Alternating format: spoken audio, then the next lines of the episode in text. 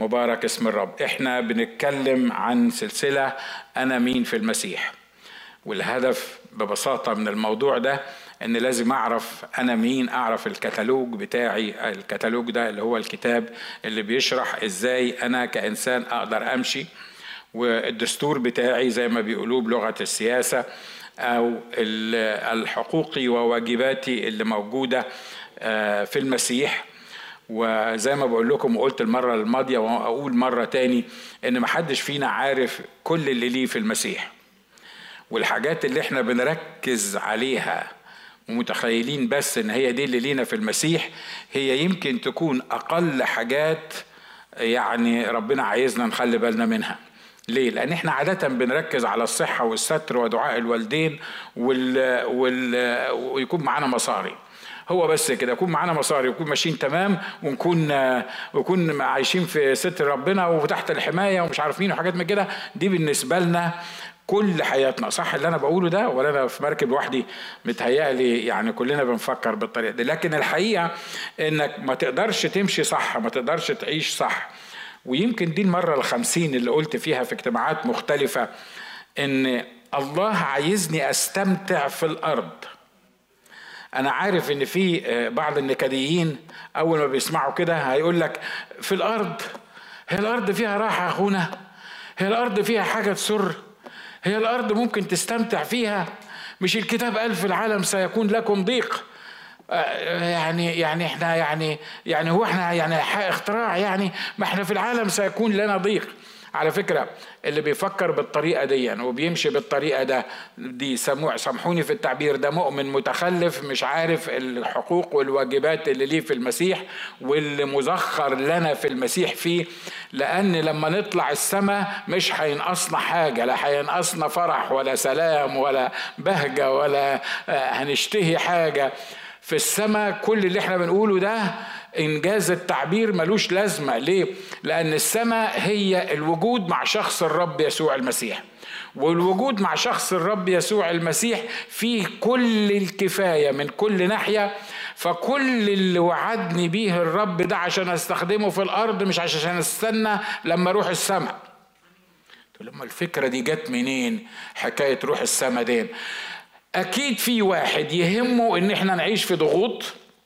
ويهمه إن إحنا نعيش في مشاكل ويهمه إن إحنا كمؤمنين نستسلم للأوضاع اللي موجودة حوالينا وعلشان يعني يعملها legal بشكل أو بآخر أو رسمية يعني بشكل أو آخر إن هو يقنعنا بطريقة روحية. لأن إبليس لما بيحب يقنعك باي ذا بحاجة تلففك حوالين نفسك حاجة غلط مش حي... هو مش أهبل يعني هو هو فاهم هو بيعمل إيه.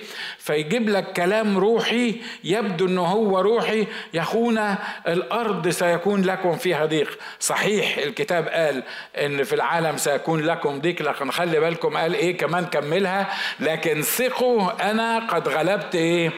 يعني لو اللي غلب العالم ده بيقول ثقوا إنه غلب العالم يبقى رغم إن العالم فيه ضيق لكن أنا مش هعيش في ضيق. ليه؟ لأن في واحد غلب العالم عني. المفاهيم البسيطة دي تحس يعني تحس إنها يعني هتفيدني إيه في الحكاية دي؟ هتفيدك إنك تبتسم في الأرض. هتفيدك إن أعصابك تبقى مستريحة. هيفيدك إنك تقبل الشخص اللي معاك ولا اللي معاكي. هيفيدك إن أنت تعيش تعيش مستريح في سلام من جواك مع إن الكتاب كتب عن السلام الله الذي يفوق كل عقل الذي يحفظ قلوبكم وأفكاركم في المسيح يسوع. لكن إحنا المؤمنين المتروحنين مش الروحيين لأن الروحيين بيحكموا في كل شيء وبيفهموا الأمور. المؤمنين المتروحنين دول بتوع الإنحناءات وال والبدلة المزيتة والطريقة اللي مش عارف إزاي بتعمل بيها. عايزين نصور الأمور دي كما إنها حاجة روحية أخونا. أنا زاهد في كل حاجة موجودة في الدنيا. أنت حر خليك زاهد زي ما أنت عايز لكن اللي مزخر ليك في المسيح إنك هتعيش منتصر فرحان مرفوع الرأس سعيد. أنت تحكم في كل شيء ولا يحكم فيك من أحد. مجدا للرب مش كده؟ يبقى الكلام اللي إحنا بنقوله ده ما هياش وعظة. لا ده كتالوج تمشي عليه. ده ده ده اللي حط الله بالنسبة لك علشان تمشي عليه. تقول لي طب والمشاكل اللي إحنا بنتعرض ليها والاحتياجات والضيقات ده أنا لو أحكي لك حصل إيه في حياتي يمكن تفضل تسيب الوعظة وتقعد تعيط عليا. ولا أنا عيطت كتير في حياتي باي يعني. وكنت برضو من أهل ال ال الاكتئاب بشكل أو بآخر في وقت من الأوقات. لكن أنا فهمت إن في المسيح ليا نصرة وفهمت إن في المسيح ليا سلطان وفهمت وقعدت أدور عن اللي ليا في المسيح علشان أستخدمه لأن ده استخدمته ما استخدمتهوش هو موجود ليك في المسيح. آمين؟ واتكلمنا عن أنا في المسيح المرة اللي فاتت خليقة جديدة. قلنا الخليقه الجديده دي مش واحد بنصلحه. مش عربية خربانة سيارة خربانة بنشيل ال water pump ونروح حاطين لها واحدة تاني تشتغل شوية وبعدين تروح طالعة ال gas pump نغيرها وبعدين العجلات آه، الدواليب تنام زي ما انت بتقولوا لا الموضوع مش كده. الموضوع هو العربية الخربانة دي تروح ال junk yard وتيجي عربية brand new مية مية. أمين؟ ده في المسيح يسوع. مش هنعيد الكلام ده تقدر تسمع الكلام ده آه، على الإنترنت. الحاجة التانية أنا مش بس في المسيح يسوع خليقة جديدة وسابني زي ما كنا بنقول المرة اللي فاتت اعمل بقى أعمال كويسة. دينا خلقناك في المسيح يسوع وديك عرفت المسيح يسوع وتجدد عليك بقى إنك أنت تعمل إيه؟ أنت كل حاجة حلوة تعملها وتبعد عن الشر وبتاع والوعظ اللي إحنا بنقعد نوعظه ده. لا لا الحقيقة حتى وأنت متجدد لو حبيت تمشي صح بطريقة أو بأخرى هتلاقي نفسك في مقاومات شيطانية تخليك ما تقدرش تمشي صح. كم واحد مقتنع باللي أنا بقوله ده؟ اللهم علمونا زمان أنا زمان لما كنت صغير علموني إن أنا أهم حاجة إن أنا أتجدد بس أتجدد أعرف المسيح مخلص شخص لحياتي أبقى ضمنت الحياة الأبدية وبعدين الحاجات اللي مكتوبة في الأرض دي إن إحنا نستعملها في الأرض أنا مستغني عنها ومستني يا إخوة ورافع إيديا لفوق وعمال أقول آمين تعالى أيها الرب يسوع آمين تعالى ايها الرب يسوع. ما عندناش فصال في الموضوع ده. لكن أنا بحاول وبحاول وبحاول وبحاول أكتشف يعني يعني حاجات زينة أعملها وبحاول أسيطر على الموقف الفلاني بحاول أعالج الموقف الفلاني. وأنا مش واخد بالي إن كل اللي المفروض أعمله بعد ما عرفت يسوع مخلص شخص لحياتي هي الأعمال الصالحة اللي سبق الله قبل ما أعرف يسوع مخلص شخص لحياتي فأعدها عشان أنا أسلك فيها. إيه ده؟ أتاري كل حياتنا المفروض إنها معدة من قبل ما نتولد حتى علشان نسلك فيها؟ آه أمال إحنا مش سالكين في ليه؟ لأن إحنا مش عارفين اللي لينا في المسيح. لأن إحنا مش عارفين اللي لينا في المسيح. تقول لي طب ودي نعملها إزاي دي؟ يعني إزاي أنا أكتشف الأعمال الصالحة التي سبق فاعدها لكي ما أسلك فيها؟ خلي بالك إن دي حاجة ليك في المسيح كل اللي عليك إن أنت تعمله تلزق في المسيح تعرف الأعمال الصالحة اللي هتعملها كل يوم. تبعد عن المسيح حتى ثلاث ثواني الثلاث ثواني دول يضيعوا منك وتستخدم تستخدم دماغك عشان تكتشف اللي المفروض تعمله. وأوعدك لأن أنا مجرب واسأل مجرب زي ما بيقولوا ما تسألش طبيب مجرب وطبيب. يبقى لو أنت حاولت إنك أنت تعتمد على فكرك أؤكد لك إنك هتلبس في الحيط مش هتعمل ومش هتعدي في الأعمال الصالحة التي سبق الرب فأعدها لكي ما تسلك فيه. يعني باختصار اخ ناجي كده من غير ما تزعق. نعمل إيه عشان نكتشف الأعمال الصالحة دي انسى نفسك تماما حط نفسك في المسيح عيش في المسيح اتكلم مع المسيح كل يوم اقرأ كلمة يسوع كل يوم آه تكون كشجرة مغروسة عند مجاري المياه وتاخد وتدي اللي, اللي ما تخلصش في ناموس الرب تبقى مسرتك. وفي الحالة دي تلاقي المسيح بيعلن لك الأعمال الصالحة التي سبق فأعدها عشان تسلك فيها النهاردة. وبكرة محتاج نفس القصة وبعده محتاج نفس القصة وفي الآخر تلاقي نفسك أنت ماشي حسب الأعمال الصالحة مش حسب دماغك. أمين؟ أقول لكم على عقد أنا عامله مع الرب. يعني حاجة وأنا متأكد إن المؤمنين كتير قدامي آه، عاملين القصة دي حتى لو ما كانوش مسميينها عقد يعني أو كده. أنا قلت للرب كده قلت له اسمع رب. قال لي آه. قلت له ما تسمعليش أي صلاة أو أي طلبة أو أي حاجة نشتاقها تكون مش في الأعمال الصالحة دي. طبعا الأعمال الصالحة اللي الرب عايزني أسلك فيها في واحد تاني موجود مش عايزني أسلك فيها. مش كده ولا إيه؟ فبيعمل إيه؟ بيزغللني. بيخليني الأعمال الصالحة دي حتى الحاجات اللي أنا متأكد منها اسال هو الرب عايز نعمل كده ولا الرب مش عايز نعمل كده؟ كم مرة سمعت واحد بيقول لك هو أنا حاجة قالت لي كده بس الحقيقة أنا مش عارف أنا الصوت ده جاي مني أنا ولا من ربنا ولا من إبليس. وكأن هم الثلاثة يعني متساويين مع بعض وأنا مش عارف الصوت ده جاي من دماغي ولا من ربنا ولا من إبليس. حد جرب الحكاية دي؟ نشكر الله في ثلاثة جربوا وفي خمسة مش عايزين يفكوا إيديهم و, و وفي ستة anyway. على فكرة أنت لو ما جربتش الحكاية دي تبقى تبقى مش عايش معانا في الدنيا اللي إحنا عايشين فيها. ليه؟ لأن الشيء الطبيعي، الشيء الطبيعي إن مرات كتير الله لما بيحب يقول لي حاجة ويقول لك حاجة وأنا ما أكونش قريب وأنا ما أكونش سامع صح، الدنيا بتدغدش قدامي ومبقاش عارف أنا هو أنا اللي بفكر بالطريقة دي ولا ده صوت ربنا ولا ولا العدو هو اللي قال لي كده تخيل بين واحد مؤمن مش عارف صوت ربنا من صوت العدو وكذاب اللي يقول ما مرش في حاجة زي كده. مش كده؟ حتى لما رفعتش إيدك أنا مش محتاج إنك أنت ترفع لي إيدك. تخيل إن أنا ممكن أوصل إن أنا ما أعرفش الصوت اللي بيتقال ده ده صوت الله ولا صوت العدو. تقول لي أعرفهم إزاي دول؟ طيب الاثنين مع بعض. اللي بتقعد معاه أكتر هو اللي هتتدرب على سماع صوته أكتر. مش كده ولا إيه؟ ها؟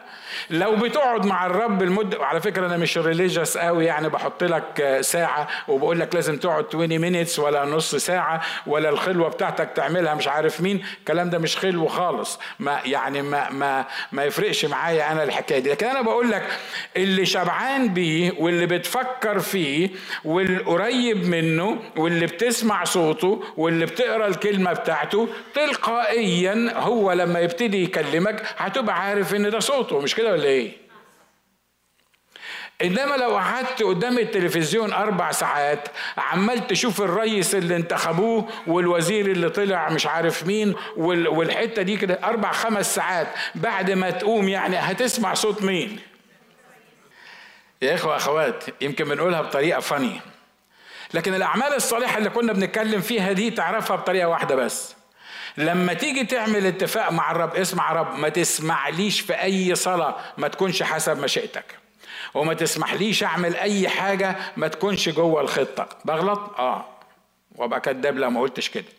لكن أنا بتكلم عن واحد مش عايز يعمل حاجة إلا وفقا للمشيئة الإلهية. كم واحد فيكم قرأ آه سواء كان حد من المقالات أو الكتب كده كم واحد فيكم عرف إن أنا مثلا آخر حاجة كنت أتمنى إن أنا أكونها دكتور أسنان. على فكرة أنا دكتور أسنان كويس يعني بعمل دعاية لنفسي أنا دلوقتي. لحسن تفكر تقول آه هو كده هيبوظ لي سنتي علشان هو ما كانش عايز يبقى دكتور أسنان. اشكر الله. يعني الموضوع مش كده.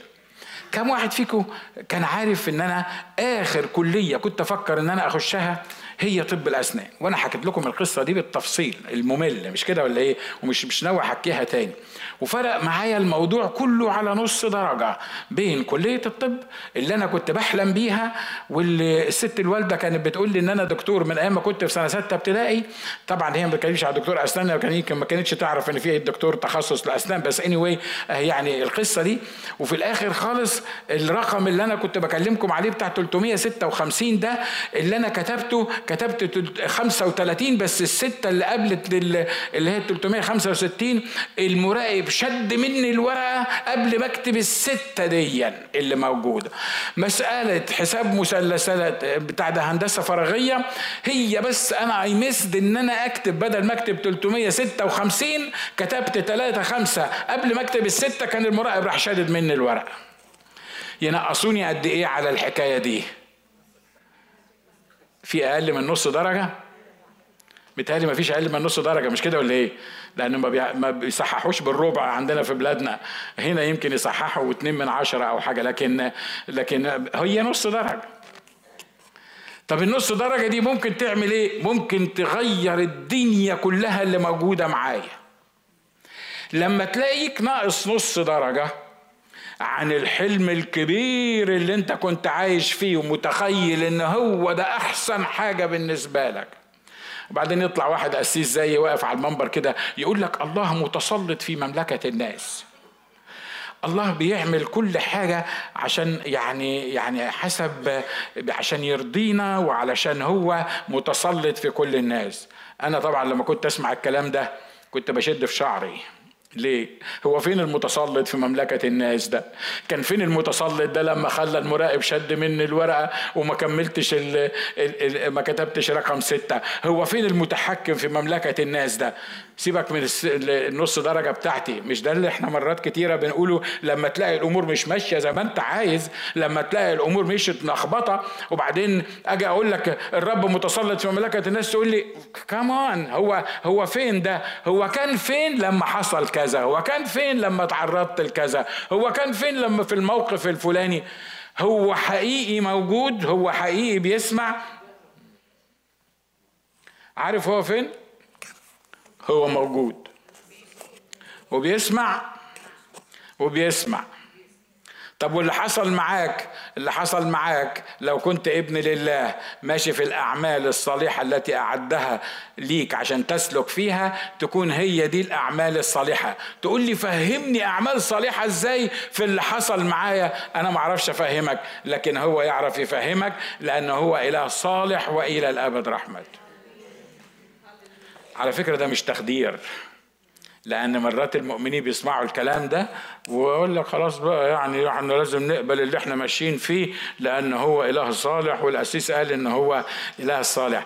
دي مش مشيئة الله بالنسبة لك. مشيئة الله بالنسبة لك إنك تكتشف الأعمال الصالحة التي سبق فأعدها لكي ما تسلك فيها وتسلك فيها بفرح وتسلك فيها بإيمان وثقة إن الإله الصالح هو اللي أعد الأعمال الصالحة لأنه ما يعرفش يعد حاجة غير أعمال صالحة. لأنه هو صالح لأن طبيعته صالحة علشان كده كل اللي بيحصل في حياتي وفقا لخطته هي أعمال صالحة سواء عجبتني القصة دي أو ما عجبتنيش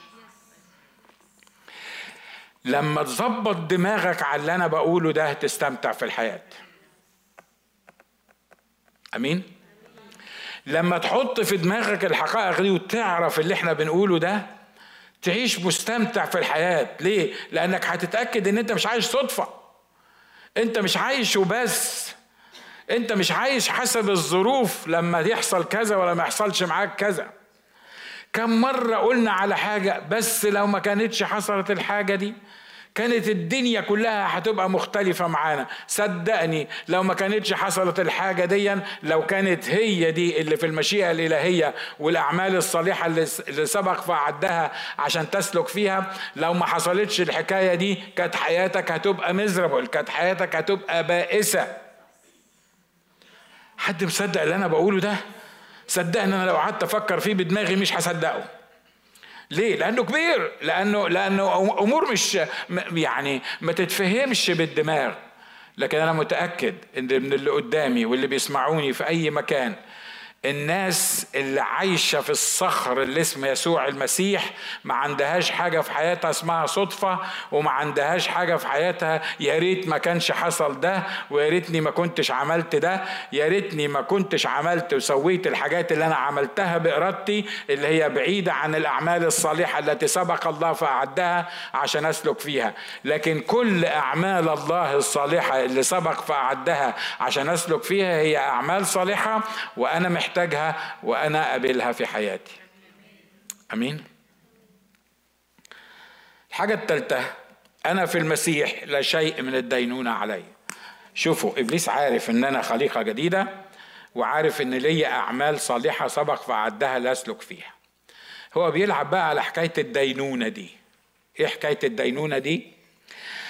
الدينونة دي اتذكرت في الكتاب كتير. الدينونة هي المفهوم الطبيعي بتاعها النطق بالحكم على متهم خلي بالكم طبعا في بلادنا العربية المتهم مدان إلى أن يثبت هو براءته. وطبعا هو طول عمره ما هيعرف يثبت براءته فهو مدان مدان. لغاية ما القاضي يقرر بقى هيعمل فيه إيه. لكن المثل بيقول المتهم بريء إلى أن تثبت إيه؟ إلى أن تثبت ادانته يعني لما في واحد متهم مهما كان حتى لو كانوا الناس شافوه وهو بيعمل الجريمة حتى لو هو كان بيعمل الجريمة لما بيتحاكم أثناء الحكم بيبقى لا مدان ولا ولا يعني لا فري ولا غلطان ولا مش غلطان. ليه؟ لأنه لسه بيتحاكم. لما يتحاكم وتثبت إدانته يبقى يصدر ضده حكم معين. ده حكم بالدينونة معناها إن هو مدان في القضية الفلانية دي. واضح إن إحنا كبشر كلنا كنا مدانين ومش بس مدانين ده إحنا صدر علينا كلنا الحكم بالموت مش كده ولا إيه؟ صح مش كده؟ لكن في المسيح لما عرفنا المسيح في فرق خلي بالكم بين صدور الحكم وتنفيذ الحكم. مفيش واحد بيحكموا عليه بالإعدام يروح حاطينه في القفص والقاضي كده يقول حكمت المحكمة آه، حضوريا على المتهم الفلاني بالموت آه، حتما. يقوم العسكري اللي واقف قدام القفص كده يروح مطلع المسدس تخ تخ تخ ده الكلام ده يعمله صدام زمان يعني حتى من غير بتاع بس نشكر الله صدام مش موجود دلوقتي. لكن لكن حسب القوانين وحسب الأمور اللي إحنا بنتكلم فيها حسب الأمور الحقيقية إن في وقت بين الصدور الحكم وتنفيذ الحكم. في وقت بين الدينونة وتنفيذ الحكم بالدينونة. عشان كده الكتاب قال إيه؟ الذي يؤمن بالمسيح لا يدان. معلوش دينونة. ليه؟ لأنه إذا لا شيء من الدينونة الآن على الذين هم في إيه؟ في المسيح يسوع. لكن الذي لا يؤمن بالمسيح مش هيدان. الذي لا يؤمن بالمسيح قد دين. يعني إيه قد دين يعني صدر ضده الحكم بالموت الأبدي من زمان من زمان من زمان من أول ما آدم وحواء عملوا الخطية. هو مش لسه حيدان واضحة النقطة دي مش كده؟ هو مش لسه حيدان ده اوريدي قد دين أمال اللي يعرف يسوع مخلص شخص لحياته ده لا شيء من الدينونة عليه ما دام سالك قبل المسيح ويسلك حسب الروح ليس حسب الجسد. عشان كده أنا في المسيح أنا مش منتظر عقاب ومش منتظر إنه إنه دينونة ومش منتظر حكم بالحكم عليا بالدينونة بالموت ولا لأ. تقول لي إيه أهمية اللي أنت بتقوله ده؟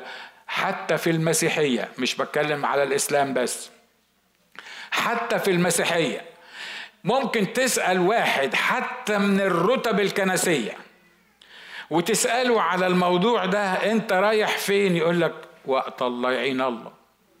أنا مش عارف رايح فين. ليه يا عم؟ ده انت راجل قسيس وبتوعظ وبتقف وبتقول وبتسوي يعني إزاي؟ يقول لك لا ما دي حاجة ما تقدرش تعرفها إلا لما تروح هناك. أمال إحنا فرقنا إيه عن حبايبنا اللي بيقول لك إن في ميزان وهيتحط يمين وهيتحط شمال والكفة للطب ومش عارف مين؟ ده الموضوع ده موضوع مهم مش كده ولا إيه؟ يمكن قلت لكم الحكاية دي قبل كده. واحدة زميلتي بقول لها أنت ضامنة حياتك الأبدية؟ هي كانت تخينة قوي كده. وأنا برضه كنت تخين زمان زيها. فالمهم يعني واقف كنت فاكر إن أنا ببشر بقى في الكلية وأول مرة أجرب حاجة زي كده. وبعدين بقول لواحدة زميلتي كنا لسه في الكلية كنا طلبة مع بعض. بقول لها أنت قبلت يسوع مخلص شخص لحياتك وضامنه حياتك الأبدية؟ أمام الرب عملت لي كده. طبعا ما أقدرش أمثل بعد كده عملت إيه يعني. قالت لي نعم يا أخويا هو أنت ضامن حياتك الأبدية؟ قلت لها آه. قالت لي يا سلام على الكبرياء اللي أنتوا فيه ده. انت ضامن حياتك الأبدية؟ قلت لها آه. إزاي يعني؟ قلت لها عشان أنا عرفت يسوع مخلص شخص الحياة. قالت لي ده في قديس اسمه أبو مقار. سمعت مني الحكاية دي قبل كده؟ مش كده؟ في قديس اسمه أبو مقار كان طالع السما فوق وهو ماشي إبليس ماشي وراه يقول له خلصت يا أبو مقار. يقول له لسه خلصت يا أبو مقار. يقول له لسه خلصت يا أبو مقار. في الآخر خالص أبو مقار كان حاطط رجل في السماء هي هي اللي حكيت الحكاية دي والحكاية دي مكتوبة في كتاب من الكتب مالكش دعوة بيه. Anyway فقالت لي حط رجل في السماء والرجل الثانية ما سحبهاش في السماء فضل يقول له لسه. لما حط رجله الثانية في السماء قال له خلصت. لا إله إلا الله. ده حاجة مسيحية. الكتاب بيقول كده لا إله إلا الله. مش مش كده ولا إيه؟ بعدين أنا سكت كده قلت لها طب ممكن بس اسالك سؤال؟ قالت لي قلت لها هو مين اللي قال لكم على القصة دي؟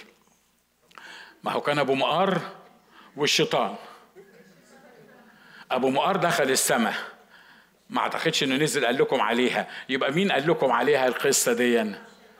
بصيت لي كده قلت لها ما فيش حد تاني غير الشيطان. مش عيب عليكم تصدقوا الشيطان وما تصدقوش كلمة الله.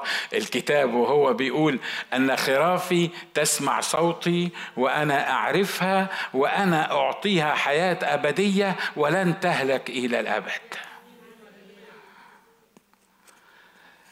الكتاب هنا بيقول في المسيح أنا ما عليش دينونة. يعني إيه؟ أنا لسه مش مستني تصدر ضدي الحكم بالدينونة. أنا ما عنديش دينونة. مش لأني أنا حلو مش لأني أنا عينيا خضراء ولا شعري أصفر مش لأي حاجة في أي حاجة إلا لاني أنا خاطي وهالك ورايح جهنم وصدقت إن يسوع المسيح على الصليب دفع ثمن الخطية بتاعتي وجيت له وأنا تايب وقلت له أنا خاطي ومحتاج الرحمة بتاعتك ومحتاج الخلاص بتاعك فخلصني وغفر خطيتي وكتب اسمي في سفر الحياة وشال عني الدينونة. وخلي بالك إن الدينونة دي اللي بيتكلم عنها الكتاب دلوقتي ده في حكاية دخول السماء ولا لأ؟ لكن في دينونة تاني نوع جديد كده طالع من زمان برضو. حاجة كده إن إنه يشيلك الجلد يعني يخليك تحس بال بالذنب.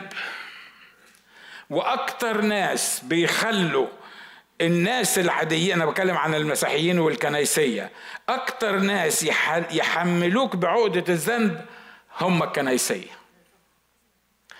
أكتر ناس يحملوك بانك انت يمسد الطريق وانت محتاج التوبة وبعدين شوية محتاج التوبة وبعد شوية محتاج التوبة وبعد شوية محتاج التوبة. على فكرة التوبة مهمة جدا ومطلوبة ومفيش مفيش يعني اوعى تفكر الاسيس قال بقى انت مش محتاج التوبة واطلع اعمل اللي انت عايزه. لا لا لا التوبة مضمون محتاجينها جدا كل يوم. بس خلي بالك انهي توبة اللي انت بتتكلم عنها دي والتوبة اللي تعمل فيك إيه؟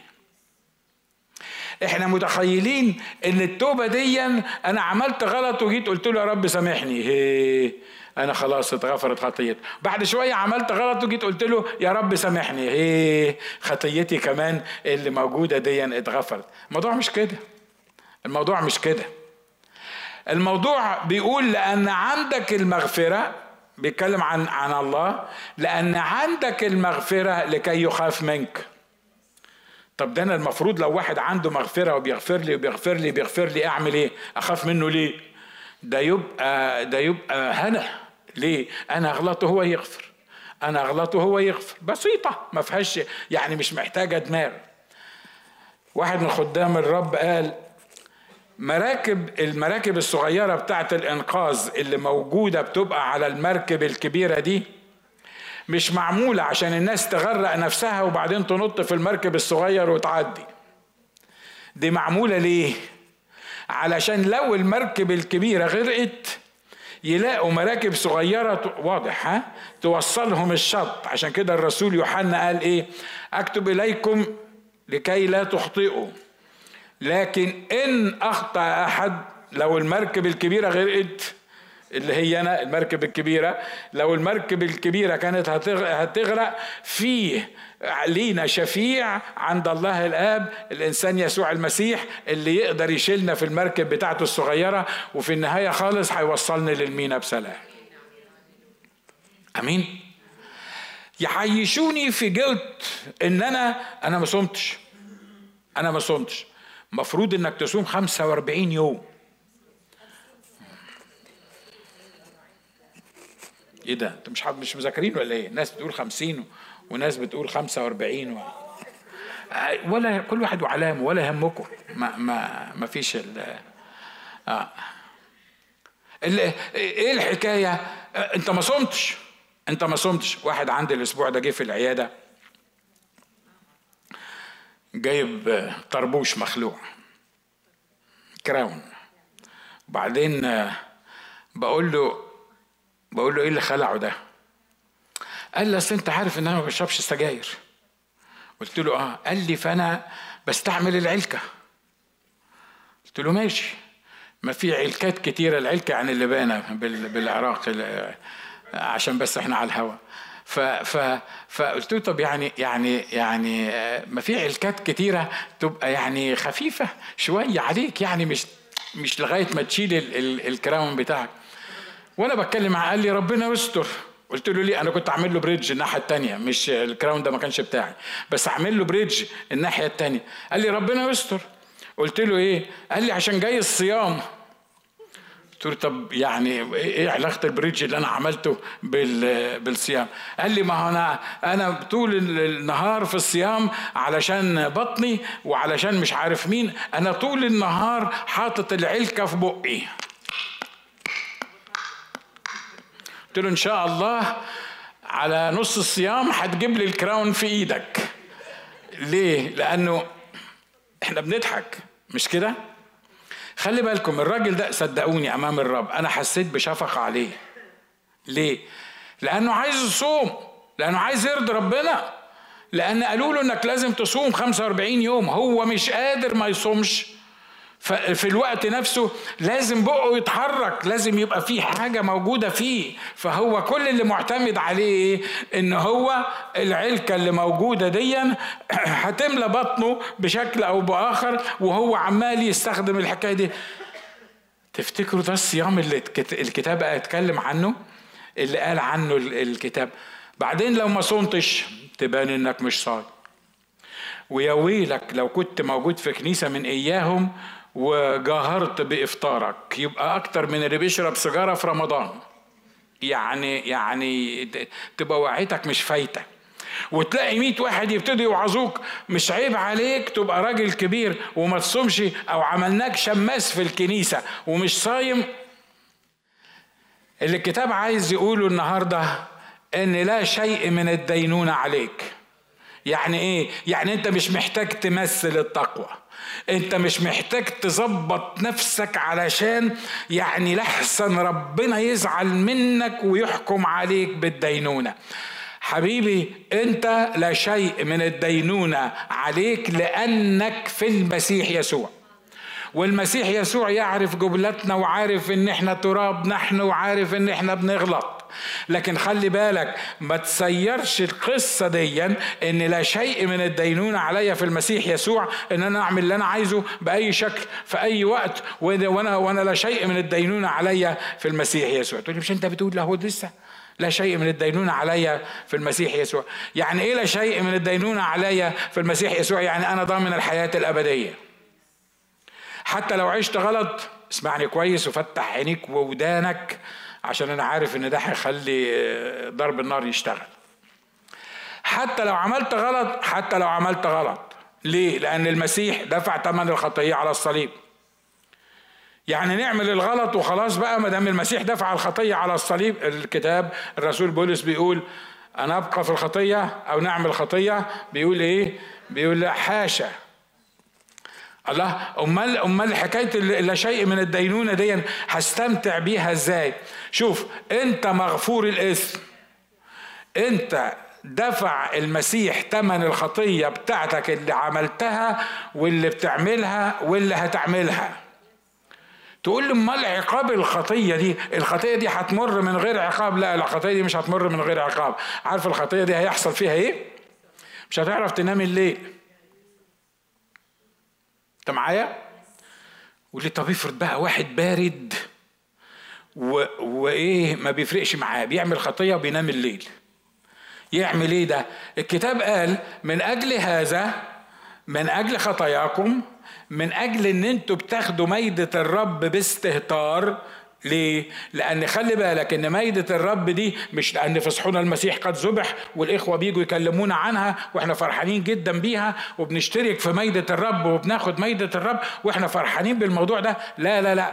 ميدة الرب دي نفسها لو خدتها بدون استحقاق الكتاب بيقول تكون مجرما في جسد الرب ودمه. تقول لي الاستحقاق يعني أعمل إيه عشان أبقى مستحق؟ ما تعملش حاجة لأنك ما تقدرش تعمل حاجة. تختفي في المسيح وتعترف بخطيتك في المسيح وتطلب من المسيح إنه يدي لك قوة عشان ما تعملش الخطية مرة تاني. الموضوع مش بتاعنا إحنا. الموضوع مش بتاع البشر. الموضوع مش اللي يقدر يعمله البشر.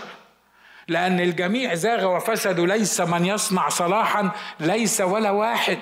ما حدش قدر يصنع صلاح. تقول لي انت حد فيكم اتلخبط؟ أنا اتلخبط. تقول لي انت انت عايز إيه بالظبط؟ انت عمال تقول لنا ما تعملش خطية وبعدين تقول لي لا شيء من الدينونة عليك دلوقتي. هو هو هو يعني الكلام ده مش ممكن يتفهم ان أنا بديك تصريح يعني اعمل اللي انت عايزه ما هو لا شيء من الدينونة عليك. لو كنت مولود حقيقي من الرب ما تقدرش تعيش في الخطية.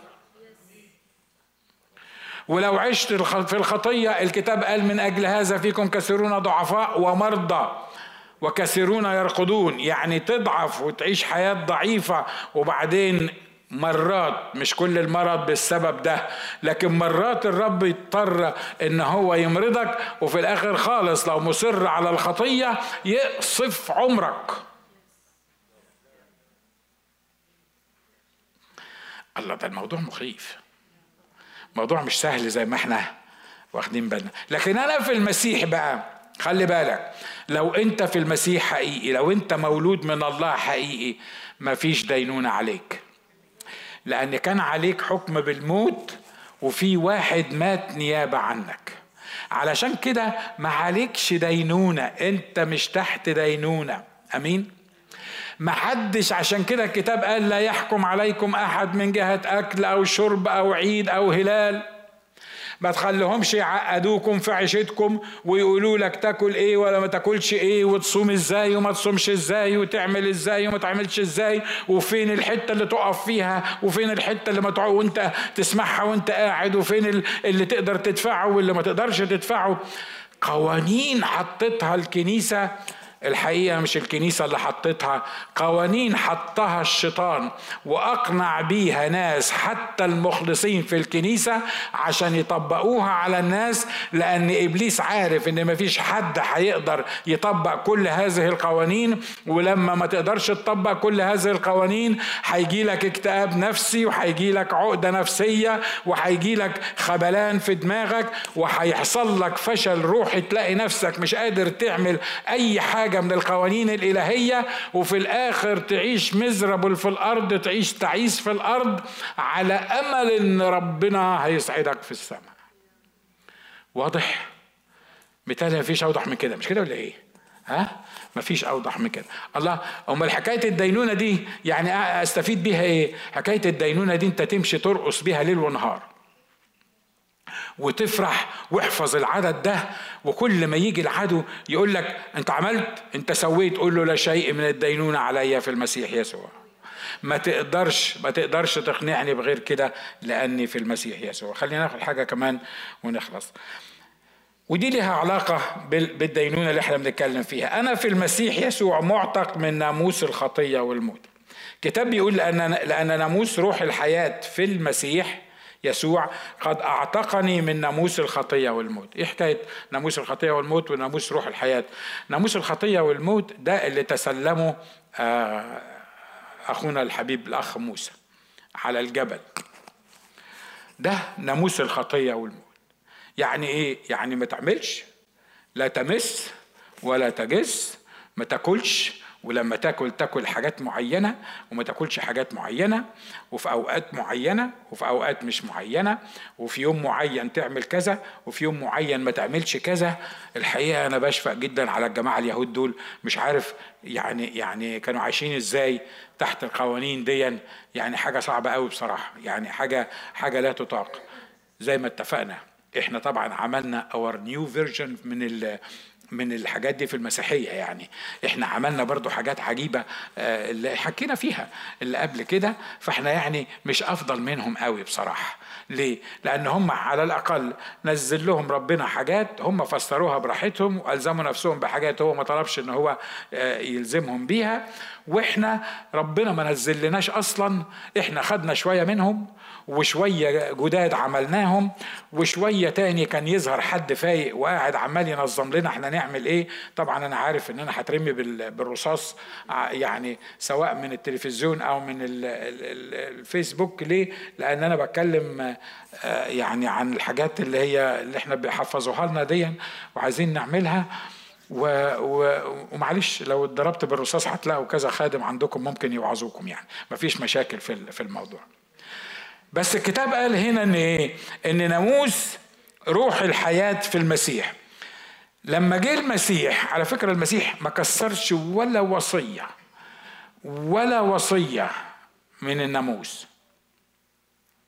الوحيد اللي ما كسرش ولا وصية من الناموس هو شخص الرب يسوع المسيح. تقول لي لا لا لا لا لا لا لا خلي بالك خلي بالك. ده المشكلة الأساسية بتاعة اليهود مع المسيح إن كانوا بيتهموه إن هو بيكسر الناموس. فاكر الست اللي شافاها يوم السبت؟ فاكر الراجل المفلوج اللي أقامه يوم السبت؟ أهو يوم السبت ده عمل أعمال أهو مع إن الكتاب بيقول عملا ما ما تعملش يوم السبت. اذكر يوم السبت لتقدسه هو المسيح كسر السبت؟ المسيح كسر يوم السبت؟ طب اللي موافق إن المسيح كسر يوم السبت كده يرفع إيده؟ أنتوا خايفين ترفعوا ايديك ولا إيه؟ اللي موافق إن إن المسيح كسر يوم السبت يرفع إيده؟ واحد اثنين ثلاثة أربعة خمسة ستة سبعة. مع احترامي ليكم كلكم. المسيح ما كسرش يوم السبت. المسيح نيفر كسر يوم السبت. تقول لي الله ما أنت لسه بتقول أهو شاف الست يوم السبت. مين اللي قال بقى إن الوصية بتقول ما تشفيش ست يوم السبت؟ إذا كان الوصية بتقول له لو الحمار بتاعك وقع في حفرة مش هو ده المثل اللي قاله المسيح؟ مش هو ده التحليل اللي قاله المسيح؟ مش أنا اللي بقوله ده مش من عندي. إذا كانت الوصية بتقول لو الحمار بتاعك وقع في حفرة يوم السبت تجيب أربع رجالة مش أنت بس أنا فيش حد هيشيل حمار. ما أعرفش اللي هيشيل حمار ده يبقى إيه بس anyway يعني تجيب أربع رجالة معاك وتطلعوا الحمار من الحفرة ده. يبقى عملوا حاجة يوم السبت ولا ما عملوش. عشان كده المسيح بقى قال لهم أنتوا أنت يعني هو دي الوصية اللي أنتوا بتتكلموا فيها؟ اللي, اللي أنا كسرت الوصية. هل يحل فعل الخير في يوم السبت ولا ما يحلش فعل الخير؟ واضح ان يحل فعل الخير. يبقى المسيح كسر يوم السبت ولا ما كسرهوش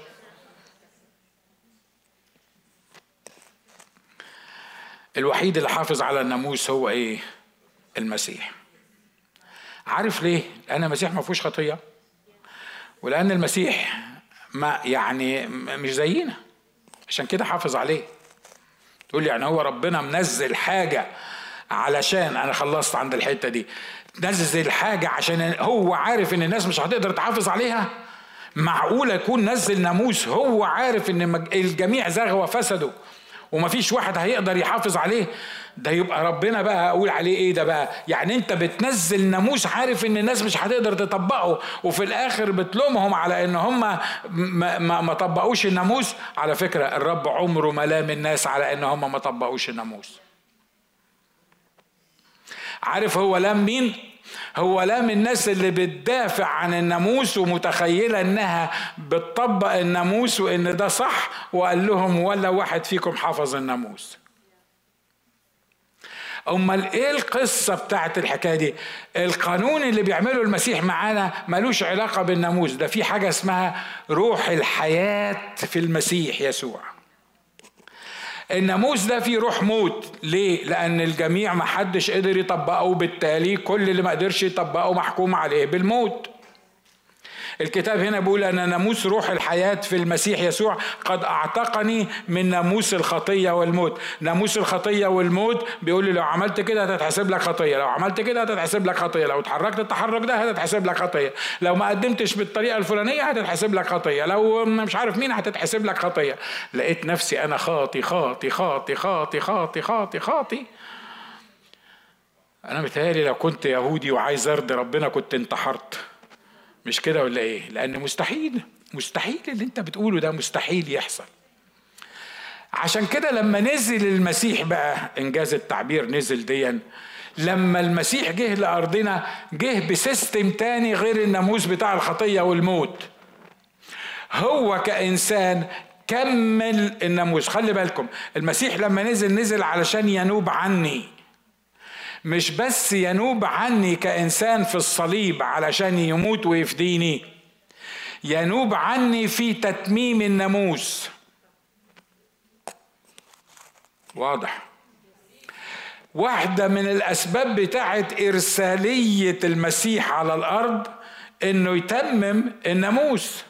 ليه؟ لأن الناموس صالح زي ما قال الرسول بولس والناموس محطوط علشان الناس تعيش حياة صح. لكن بسبب الخطية وبسبب الضعف البشري إحنا ما قدرناش نتمم الناموس تقول لي طب أمال ربنا نزله ليه؟ هقول لك ربنا نزله ليه. واحدة من الحاجات يعني. عارف ابنك الصغير كده لما يجي تكون بيلعب معاك وبعدين في حاجة تقيلة شوية تقيلة عليه. تيجي تشيلها يقول لك لا اشيلها أنا. يا واد اسكت مش هتعرف تشيل البتاع دي. لا لا أنا خلينا أشيلها. يا ابني مش هتقدر يا حبيبي تقيلة عليك. لا معلش أنا هقدر بس جربني خليني خليني أشيلها. الشيء الطبيعي إنك هتقول له إيه؟ شيلها. خلينا نشوف. أول ما يمسكها ويعمل كده أقول له طب خلاص يا حبيبي إحنا قلنا لك إنك أنت مش هتقدر تشيلها. لو الله ما قدرش لو الله ما نزلش الناموس للإنسان كان الإنسان هيفضل طول عمره فاكر إن هو هيطيع وصايا الله ويقدر ينفذها بعيد عن شخص المسيح يسوع.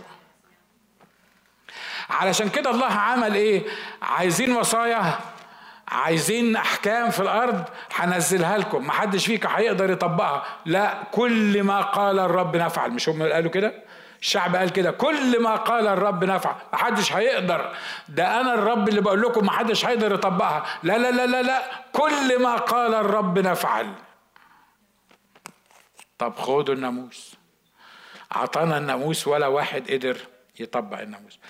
كان لازم واحد عايش في الجسد اسمع الحتة دي كويس قوي كان لازم واحد عايش في الجسد يطبق الناموس ليه؟ لأن الكتاب قال إن الناموس صالح لو هيتاخد ناموسيا لو هيمشي مظبوط.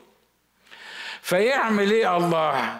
زي بالظبط الآية اللي سمعناها إن جعل الذي لم يعرف خطية اللي هو شخص المسيح مش زي بعض الترجمات ما قالت يشاركنا في خطايانا هو ما شاركناش في خطايانا أبدا. ما عملش خطية لأنه لو كان عمل خطية واحدة ما كانش ينفع يبقى يبقى الفادي ما كانش ينفع الحكاية دي. جعل الذي لم يعرف خطية خطية لأجلنا. يعني إيه؟ يعني يشيل عنا الخطية على كتافه على الصليب علشان إحنا نبقى أحرار من ناموس الخطية اللي إحنا بنتكلم عنه ده. أمين. أهو عمل إيه بقى؟ مش بس هو شال عننا كده الناموس بتاع الخطية ده بالعكس. ده سمر الفرائض اللي كانت علينا. سمر الناموس حطه في الصليب كده وقعد سمره كده وقال كل اللي مطلوب في الناموس أنا عملته على الصليب وأنا تممته. فمحدش يقدر يطالب الإنسان بإنه ينفذ الناموس لأن أنا نفذته نيابة عن الإنسان. أتاري اللي عمله عشاننا المسيح. كتير قوي. إحنا مش واخدين بالنا منه. إحنا بس عمالين نرنم ونصلي وإحنا مش عارفين بالظبط عمل إيه. طب هو عمل القصة دي كلها ليه؟ عشان يعتقني. عارف عارف كلمة يعتقني دي عندنا في مصر؟ لما يكون في واحد رخم قارفك في عيشتك وماشي وراك وعمال يزن عليك تعمل حاجة. متهيألي عندكم برضه في العراق كده مش كده؟ وفي سوريا وفي غيرها. عارف كده تقول له يا عم اعتقني بقى. يعني كأنه كأن أنا slave عنده أو عبد عنده بقول له إيه؟ اعتقني. يعني set me free يعني اعتقني بقى. عندكم الكلام ده؟ آه طب نشكر الله. ما إحنا عايشين في أهو ناموس روح الحياة في المسيح ده بقى إيه؟ أعتقني من ناموس الخطية والموت. ليه؟ لأنه علشان الله يعتقني من حاجة لازم يجيب لي حاجة بدلها مش كده ولا إيه؟ عشان يعتقني من الناموس أعطاني ناموس بتاعه هو بس في فرق بين الاتنين الناموس بتاع الخطية والموت أنا اللي مطالب بتنفيذه إنما ناموس روح الحياة في المسيح يسوع هو اللي مطالب بتنفيذه فيا أنا عشان كده أنا لا شيء من الدينونة عليه آمين. الكلام اللي أنا بقوله ده يمكن يبان إن هو مكلكع لكن ده أساس الموضوع ده ده حقيقة الموضوع. ليه؟ لأن أنا مش مطلوب مني أنا أبطل. خطية. أنا مش مطلوب مني إن أنا أحاسب نفسي وأفضل أعيش في عقدة الذنب. أنا مطلوب مني حاجة واحدة بس. أوعى تفهم الكلام ده. آه أنت قلت أنت مش مطلوب منك إنك تبطل خطية. أنا هعمل أي حاجة أنا عايزها. ولا لا افهم اللي أنا بقوله من كل الجوانب بتاعته. أنا مطلوب مني حاجة واحدة بس. أنا أخش في ناموس روح الحياة ده وأخلي روح الحياة اللي هو الروح القدس يعيش جوايا فروح الحياة ده هو الوحيد اللي يعرف يتعامل مع ناموس روح الحياة لأن هو اللي عامله. فبالتالي أنا أطبق ناموس روح الحياة اللي جوايا مش بإمكانياتي بس بإمكانيات الروح القدس اللي موجود فيا. يا أبوي لو تعرف قد إيه هتستريح لما تفهم الحكاية دي. يا أبوي لو تعرف قد إيه هتعيش سعيد لما تفهم الحكاية دي. وإنك لما إن أخطأ أحد فلنا شفيع. وده يخليني إن ظهرت نعمة الله المخلصة لجميع الناس. زي ما كنا بنقول نعمة الله دي تخلينا نعمل إيه؟ ننكر الفجور وننكر الشهوات. الموضوع مش بتاعي. أنا ما أقدرش أعمل حاجة ابدا من نفسي. أنا استخبى في المسيح يسوع. بالروح القدس يعمل فيا هو كل حاجة آمين تقول لي أمال إحنا بنعمل ليه عارف بنعمل ليه؟ لأن إحنا مش قادرين نسلم إن إحنا مش هنقدر نعمل. إحنا مش قادرين نسلم بالحقائق دي. إحنا عايزين يعني برضه واجب علينا إن إحنا نخلي بالنا من الموضوع ونعمل كذا ونسوي ونصوم ونصلي ومش عارف نعمل إيه والقصة دي كلها. ما إحنا لازم نعمل حاجة. أمال أنا عيش طيشة كده؟ عيش طيشة يا سيدي زي ما أنت عايز. المهم استخبى في المسيح وسيب روح الحياة في المسيح. ينفذ فيك قوانين المسيح. هتعيش مستريح مستمتع في الأرض. كم واحد موافق على الكلام ده؟ تعالوا نقف ونرنم ونهلل للمسيح لأنه أعتقني من ناموس الايه الخطية والموت. بصوا للي جنبك له المسيح أعتقني من ناموس الخطية والموت. لا شيء من الدينونه عليا أنا مش مدان أنا حر في المسيح. أنا خدت حرية في المسيح. آمين؟ مجدا للرب مجدا في الرب. يا رب خلينا نفهم اللي لينا في شخصك. خلينا يا رب نفهم اللي لينا في شخصك. خلينا نعرف انت مين وإيه اللي عملته عشاننا. خلينا نعرف إنه ليس بالقوة ولا بالقدرة بل بروحك يا رب الجنود. خلينا نعرف إن إحنا نقدر ننتصر ونعيش منتصرين لو نستخبى فيك. وندي لك الفرصة في حياتنا إنك تصنع أنت في حياتنا أمر جديد. بصلي لأجل نفسي وإخواتي وأخواتي قدامك في اسم المسيح يسوع. بصلي يا رب إن ناموس روح الحياة زي ما هو فعلا أعتقنا من ناموس الخطية إن إحنا نعيش في هذه الحرية. نعيش في حرية ناموس روح الحياة اللي أعتقنا من ناموس الخطية والموت. أشكرك لأجل يسوع أشكرك لأجل يسوع. أشكرك لأجل يسوع اللي جه علشان يدفع عني كل الثمن عشان ينقلني من الموت للحياة عشان يديني الإمكانية والقوة أن أصنع مشيئتك وأمشي في الأعمال الصالحة التي سبقت فأعددتها لكي ما أسلك فيها. يا رب أشكرك لأجل الأبدية اللي هنتعلم فيها واللي هنشوف فيها الكمالات بتاعة يسوع واللي عمله عشاننا يسوع.